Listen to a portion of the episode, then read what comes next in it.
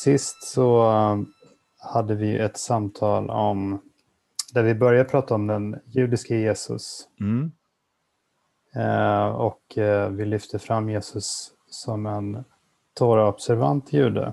Mm. Eh, uppväxt i, i strikt religiöst sammanhang. Mm. Eh, kyrkan har ju liksom ofta utmålat Jesus som någon som avskaffade Torah. Mm. Som bröt sabbaten, upphävde matregeln och så vidare.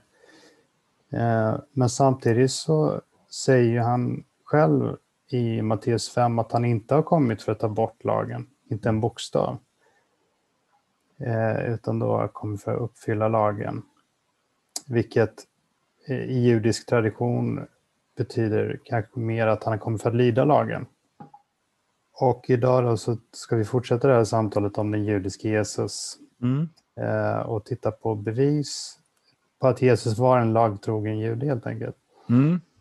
Eh, innan Och vi jag- gör det, vill du inflika någonting? Ja, eh, men jag, jag tänker att en del saker vi sa förra gången som kan vara bra lite grann att upprepa lite summerande och sen kanske lägga till ytterligare några fler saker. Men eh, när vi pratar om bevis för Jesu Tora-observans eh, så är det ju egentligen en sorts skriftliga argument som man kan acceptera eller inte. Eh, det är ju det som är det tuffa med Bibeln att eh, det går ju ofta, man, bru- i alla fall så brukar vi säga, det är nästan som en myt också, men att det går att hitta vilka åsikter som helst i Bibeln om man bara väljer verserna rätt. Mhm. Det håller jag inte riktigt med om, men jag är införstådd med vad som ligger bakom ett sådant påstående. Att det är klart att det går att läsa evangelietexterna eh, på ett sätt där man kan komma fram till att Jesus, han verkar verkligen vara emot lagen. Eh, men det som de här bevisen då, eller beviskategorierna vi ska diskutera eh, handlar om, det är att stanna upp och titta mer i detalj på texterna. Eh, Och där är det, där vet jag att det kan kännas jobbigt för många kristna.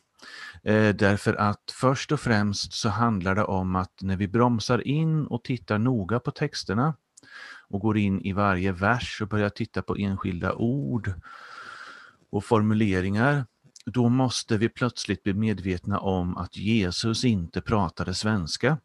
Mm. Det vill säga att de bibeltexter vi har är översättningar. Eh, och när det kommer till just evangelierna eller Nya Testamentet så är det översättningar av en form av antik grekiska. Eh, och vi vet dessutom, eller vet, men de flesta forskare idag är överens om att Jesus talade som modersmål antingen en dialekt av arameiska eller hebreiska. Men han talade inte grekiska när han undervisade. Mm. Eh, Så det gör att först och främst så måste vi bli påminda om att det finns någonting som kallas för en grundtext, det vill säga Nya testamentets originaltexter på grekiska. Eh, Och de finns inte kvar längre, utan vi har bara kopior, avskrifter, som Mm. i sin tur har skrivits av och kopierats och kopierats om och om igen. Så att idag sitter vi med tusentals olika eh, så kallade manuskript. Ehm, och de kan ibland ha lite olika versioner eller olika ordval, olika stavning. Ibland är det inte så betydelsefullt, men ibland så kan två manuskript säga olika saker om en Jesus-episod som faktiskt är viktigt att titta på och försöka förstå. Är det något av de här manuskripten som troligtvis är ett original och det andra manuskriptet kanske har utarbetats av skrivare senare som har kopierat texten har lagt till saker utifrån sina traditioner eller sin förståelse av den här Jesus-episoden i en viss, ett visst manuskript och så vidare. Ehm, men det andra är också att ehm, Jesus levde i antikens Israel och eh, ingen kristen idag, eller få kristna idag ifrågasätter att han var jude, att han var född i en judisk kontext, växte upp i en judisk kultur eh, och att den miljö som han rör sig i är en judisk kulturmiljö. Mhm. Eh, vilket gör också att när man väl översätter från grekiskan till svenskan så måste man ändå förstå grekiskan i sin arameiska kontext om man får uttrycka det så. Just Så det. det, är faktiskt, det kräver mycket kunskap om historien och den situation, den miljö som Jesus levde och rörde sig i. Mm. Eh, så det här gör ju direkt att de flesta kristna känner den här diskussionen kan jag inte ta del i. Mm. Ehm, och det kan de inte heller. De flesta av oss kan inte grekiska, kan inte arameiska eller hebreiska eh, och är inte historiker. Mm. Så vi blir tvungna att lyssna till forskarna. Eh, och det kan vara kristna teologer och det kan också vara ate ateistiska historiker, men vi måste ändå ta del av den kunskap som finns om den tid som Bibeln skrevs och förmedlades i, för att vi bättre ska kunna lyssna eh, till Bibeln som Guds ord också. Mm. Ehm, Så att då, som sagt, vilka manuskript ska vi välja och sen när vi väl översätter, vilka svenska ord ska bäst representera grekiska originaltexten i sin arameiska kontext. Det här är en utmaning som gör att tyvärr går det inte bara att slå upp sin svenska folkbibel eller Bibel 2000 vid köksbordet och direkt se vad Jesus gjorde och sa. Utan det är Mm. filtrerat genom olika översättningskommittéer som definitivt har eh, i all uppriktighet menat att de har översatt Bibeln på det sätt som är mest texttroget, Mm. men delvis också mest traditionstroget. Och det som eh, vi vill försöka göra nu i det här Mishkan-snacket är ju att vara lite respektlösa mot traditionen och istället sätta Bibelns ord först. Eh, och ett sådant exempel nämnde du här, det är ju det här grekiska ordet eh, eh, pleron. Pleron kan översättas som uppfylla. Och när Mm. Jesus säger att han har kommit för att uppfylla lagen, eh, så eh, ja, då, till svenska så översätter ju de flesta texter uppfylla. Eh, och för oss är det ett ord som i alla fall i, i vår kristna kultur eh, har fått betydelsen eh, uppfylla en profetia. Att någonting som Gud har sagt en gång i tiden ska hända, händer nu. Check, då, liksom, då är vi färdiga med den, nu har vi sett det hända. Åh, oh, vad bra, liksom, profetian blev uppfylld, Gud är tro, trofast och, och Guds ord är sant. Just. Ehm, och så funkar eh, pleron, det grekiska ordet, i många situationer. Mhm. Eh, men i Matteus 5 till exempel, i bergspredikan, så vet vi också att både ordet uppfylla eller riva ner eller lösgöra lagen, det var också fraser som fanns inom samtida judendom i eh, eh, den hebreiska eh, traderingskulturen, både muntligt och sen har vi det bevarat skriftligt i, i Mishna och senare texter som är ja, från perioden strax efter Jesus, men Mm. som innehåller gods som går tillbaka till tiden före Jesus. Och där ser vi att olika rabbiner eller skriftlärda i judisk kultur pratar om att uppfylla lagen med betydelsen att antingen undervisa så att andra människor på rätt sätt kunde följa och hålla lagen, Mm. eller att själva med sina livsexempel leva på ett sätt som gjorde att andra kunde se hur lagen bäst skulle efterföljas. Och då uppfyller man lagen, man fyller upp den, man, man ger den substans. Eh, lagen får en form, en kontur som gör att den blir konkret och då kan andra följa den. Va? Mm. Och det är det som är logiken i att Jesus i bergspredikan säger jag har kommit för att uppfylla lagen och sen så predikar han i kapitel 57 om hur lagen ska levas ut. Mm. Ehm, så att ehm, det är mycket i den här historisk-kulturella kontextförståelsen, det är många knepiga ord här, men att vi helt enkelt fattar och vet att när Jesus talar så talar han inte som en modern svensk på 2000-talet utan han talar i sin historiska kontext, i sitt sammanhang. Det. Sådana här problem dyker upp överallt i, i, eh, i evangelierna och i alla texter. Och Mm. det här vet bibelforskare, men eh, är man inte bibelforskare så vet man inte det här.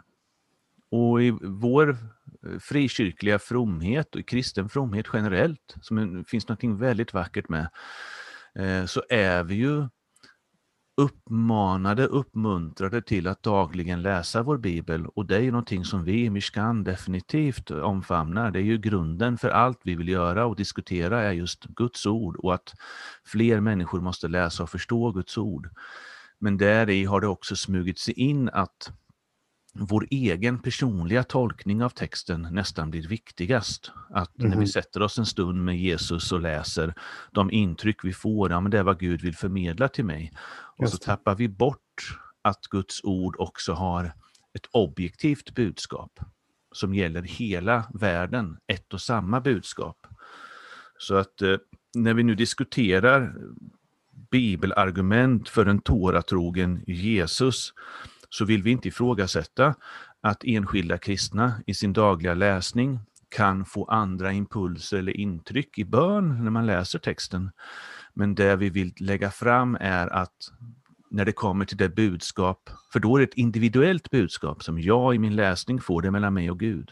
Mm. Men nu vill vi diskutera vad som står i Guds ord för alla kristna i alla tider. Vad är det som gäller, så att säga, på ett generellt plan. Och, och är, det, det inte så, saker.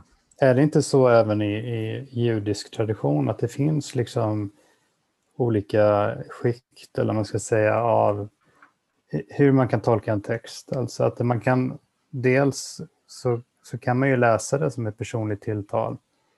Eh, och sen flera nivåer och sen att se till den, eh, vad som faktiskt står i texten i, mm. i, i, sin kontext och vad den talar om. Definitivt, och det har ju sen ärvts vidare in i kyrkan och i kyrkans traditioner. Så det här har definitivt antika rötter att läsa Bibeln Eh, med olika tolkningsnivåer eller mm. perspektiv. Ehm, men de texter vi kommer titta på delvis här visar ju hur Jesus själv argumenterar med fariseer och skriftlärda eh, och även med djävulen mm. utifrån Bibeln. Och det gör han eh, bara utifrån övertygelsen att de bibelpassager han använder har just den betydelse som han menar att de har. Mm. Um, och man märker i diskussionen att det här köper också människor runt omkring. Så att det mest grundläggande som alla verkar vara överens om för att överhuvudtaget kunna diskutera vad Guds ord säger, det är att den bokstavliga betydelsen är den mest grundläggande. Mm, mm. Och sen finns de andra kompletterande nivåerna, men de får aldrig ersätta den bokstavliga. Och där har vi också problem som kristna, att vi är fostrade i en bibeltolkningskultur som främst eh, lyfter fram den metaforiska eller bildliga tolkningen som vi ofta kallar också en andlig tolkning. Mm. Och det där är ett ofog som också vi måste göra oss av med, för vi undergräver Bibeln och Guds ord och undergräver eh, vår egen trovärdighet i att använda Bibeln som Eh, en kunskapskälla om Gud. Mm. Så att det är stora saker som står på spel i hur vi läser vår bibel. Ja, ja vi kanske kör igång då med det sagt. Ja men exakt, om vi, om vi börjar prata om de här eh, bevisen. Mm. Eh, och då kanske först börja titta på något så enkelt, eller man ska säga som eh, Jesu klädsel. Mm. Jag har, eh, när jag, när jag eh, pratar om Jesus som tårobservant så eh, brukar jag utgå ifrån tre kategorier av textpassager i Nya Testamentets evangelier som indikerar just Jesu Tora-observans. Och det första är eh, vad Jesus visar genom sitt yttre, vad människor kan se. Det andra är vad han säger, vad människor kan höra. Mm. Och det tredje är vad hans lärjungar gör.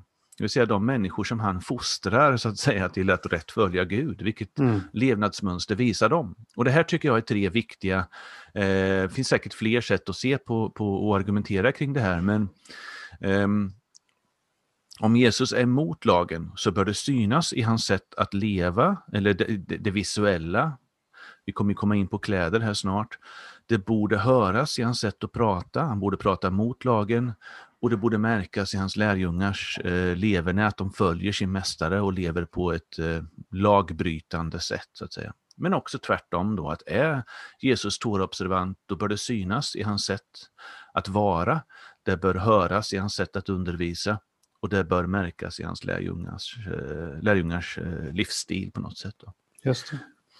Så att den första kategorin, då, det som syns i Jesu yttre person eller image.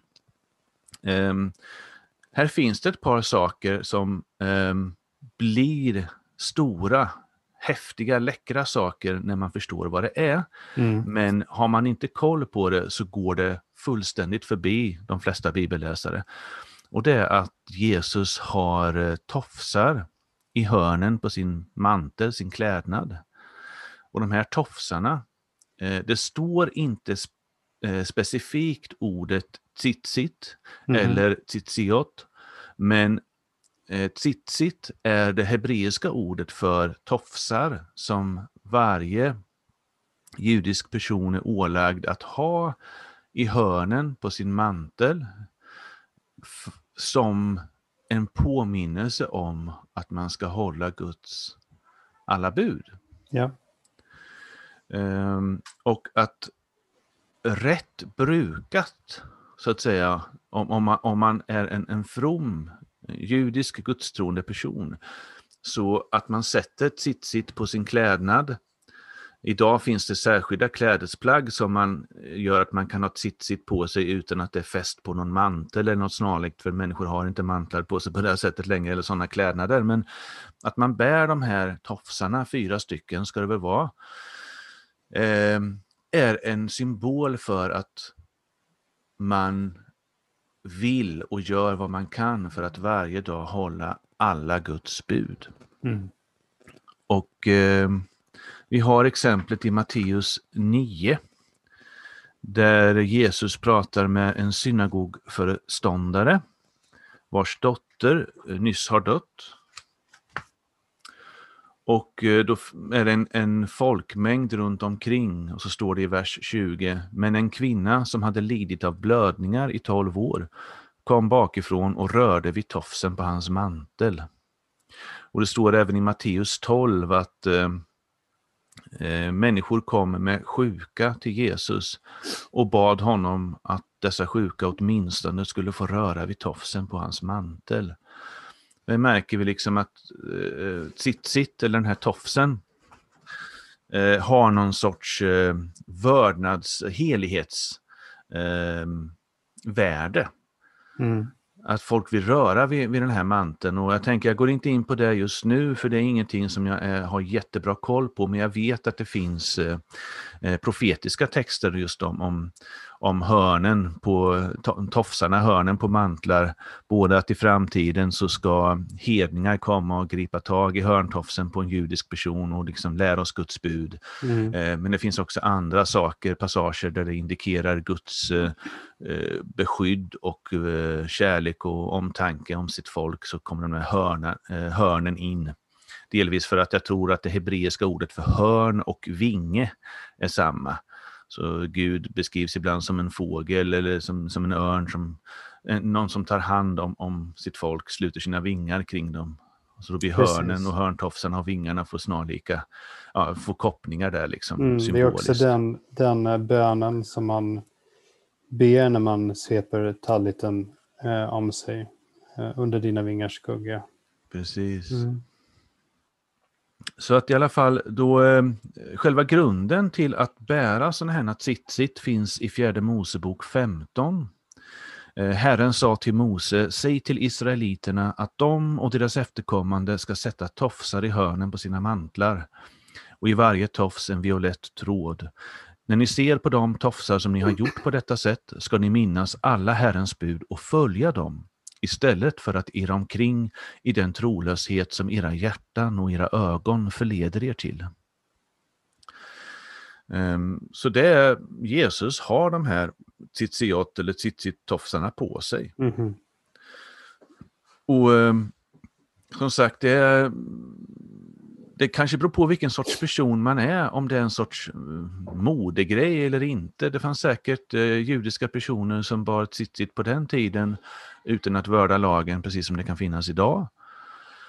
Eh, men det stämmer inte med Jesu person, vilket vi kommer komma in på senare, att just han personligen bär dem och att de får den här framtoningen i flera berättelser i evangelierna visar på att de, de symboliserar någonting. Och då går det inte att komma loss från fjärde Mosebok här, att ja, men de är en symbol för laglydnad. Mm. Och Jesus själv kallas ju i apostlagärningarna för den rättfärdige. Och eh, han eh, beskrivs ju även i flera av breven som eh, syndfri. Och synd är brott mot lagen. Det har vi bland annat i första Johannesbrevet 3, men det är liksom det är hela Bibelns koncept är att tåran är Guds vilja, att bryta mot tåran är synd, att bryta mot Guds vilja. Så, så det finns flera saker som ändå eh, gör det, om vi ska uttrycka det då ändå lite öppet för diskussion, gör det väldigt sannolikt att Jesus bär de här tofsarna som ett uttryck för sin laglydnad. Mm. Om man... Jag vill ändå gå tillbaka lite till eh, det här med Matteus 5 igen. Och prata lite om det. Eh, Relaterat till Jesus som lagtrogen. Eh, för det verkar ju ganska ologiskt ibland inom kristna inom kristen teologi så, så lyfter man fram just det här att lagen Okej, okay, Jesus sa att lagen inte skulle avskaffas, men han säger i meningen efter att lagen på något sätt ändå avskaffas genom att han uppfyller lagen. Visst är det den vanliga argumenteringen? Mm. Men då har vi tittat på det här vad vi ser i rabbinsk eh, tradition, vad det här ordet uppfylla kan betyda. Men då har vi också de här eh, löftena om att, att de här orden inte ska eh, förgås förrän himmel och jord förgås. Mm. Eh, och på något sätt kopplat till Guds eh, löften Eh, vilket ju, som vi nämnde, de här eh, tofsarna, sitt, sitt, eh, också påminner om. Liksom Guds löften, Guds lag. Hur, på något sätt, hur, hur eh, kan man fortsätta inom kristen tradition hävda då att lagen på något sätt ändå har eh, inte har sin eh, plats längre? Mm. Eh, där man använder, och det här blir ju väldigt tydligt när vi tittar på Jesus, att det är inte Herren Jesus själv som man hänvisar till. Och det här vill jag minnas att vi pratade lite om eh, förra gången, att i kristen tolkning så, även om vi inte vill uttrycka det så, så har ofta Paulus brev blivit mer eh, normerande för vår tolkning mm. än Jesu egna ord och undervisning. Just och, och då, då, då, då, är vi liksom, då spelar vi nästan på den, de histori, historiskt kritiska eh, ateistiska forskarnas spelhalva, då har vi bara, eh, eller planhalva, då har vi bara en massa historiska texter och så ska vi historiekritiskt försöka avgöra vilken text som ja, kom senast eller fick mm -hmm. mest genomslag eller så vidare. Men som kristna läser vi inte Bibeln så, utan allt vi tror på har att göra med att Guds ord och son blev kött. Mm. Och det är Herren Jesus. Vilket gör att Jesu undervisning och liv är allting annat överskuggande. Det får liksom inte på något sätt ens vara i närheten av att Paulus eh, ska vara tolkningsraster för Jesus. Sen är hela Nya Testamentet, det är också vår hypotes att säga i Mishkan lika mycket som i andra kyrkor, att hela Nya Testamentet är Guds ord. Mm. Det vill mm. säga Gud vill säga någonting till oss inom varje text. Men vi är kallade till att tolka texterna och det gör vi genom att skapa en dialog mellan texterna. Och då säger det sig självt att Herren Jesus eh, väger tyngst. Mm. Vi måste ha tolkningsnycklar. Det går inte, och det kommer vi komma in på här när vi pratar om Jesus, även Jesus visar med sin undervisning att han gör sådana tolkningar. Att han är medveten om att det finns olika texter som säger olika saker, men vissa texter och vissa bud kallar han för tyngre och andra för lättare. Och det är så här vi måste se på Nya Testamentet också. Paulus kan inte väga tyngre än Jesus, för det är inte Paulus vi följer, det är Herren Jesus. Mm. Och Jesus är jättetydlig med att lagen inte har försvunnit. Men kyrkan har hittat, bevarat verser i Paulus brev som mm. pekar i ett annat håll. Och det är för framtiden för oss i, i de här Mishkansnacken att titta mer på Paulus brev. För där har vi också många exempel på att gör man slarviga eller ytliga eller kontextlösa tolkningar av Paulus, ja, men då kan man få ihop den eh, antilagiska, antinomiska bild av Paulus som kyrkofäderna snickrade ihop mm eh, under de påföljande århundradena. Men går vi på djupet så ser vi att det finns mycket i det Paulus säger som ganska enkelt kan förklaras just utifrån att han förblev en fariseisk jude som vände sig till icke-judar. Men som sagt, det är ett senare eh, mm. samtal. Men eh, då frågan varför blev det så här i kyrkan, det är också ett stort ämne där jag bara nu väldigt kort summerar att vi ser utvecklingen både i Nya testamentets texter men också i historisk forskning för den tidiga kyrkan. Att det uppstod helt enkelt eh, konflikter i högre och högre grad mellan den här till en början judiska messianska väckelserörelsen kring Jeshua som Messias och eh, synagogorna eller andra judar som inte trodde. Mm -hmm. Där den här väckelserörelsen med tiden domineras helt av icke-judar. Och då blir det plötsligt icke-judar mot icke-troende judar, om man får uttrycka mm. så, eller icke-messianska mm. judar. Så att till slut, inom hundra år, så blir det här en konflikt mellan grupper som primärt är icke-judar mot grupper som primärt är judar, men även proselyter och gudfruktiga.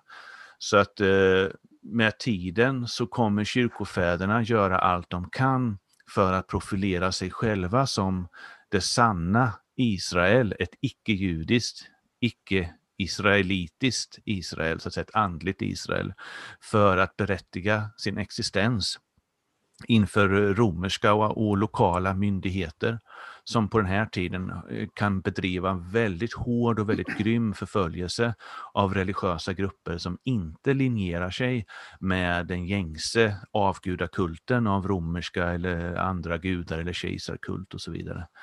Så att både judendomen och kristendomen så att säga måste för, för att klara sig och överleva eh, hitta sin, eh, sin nisch.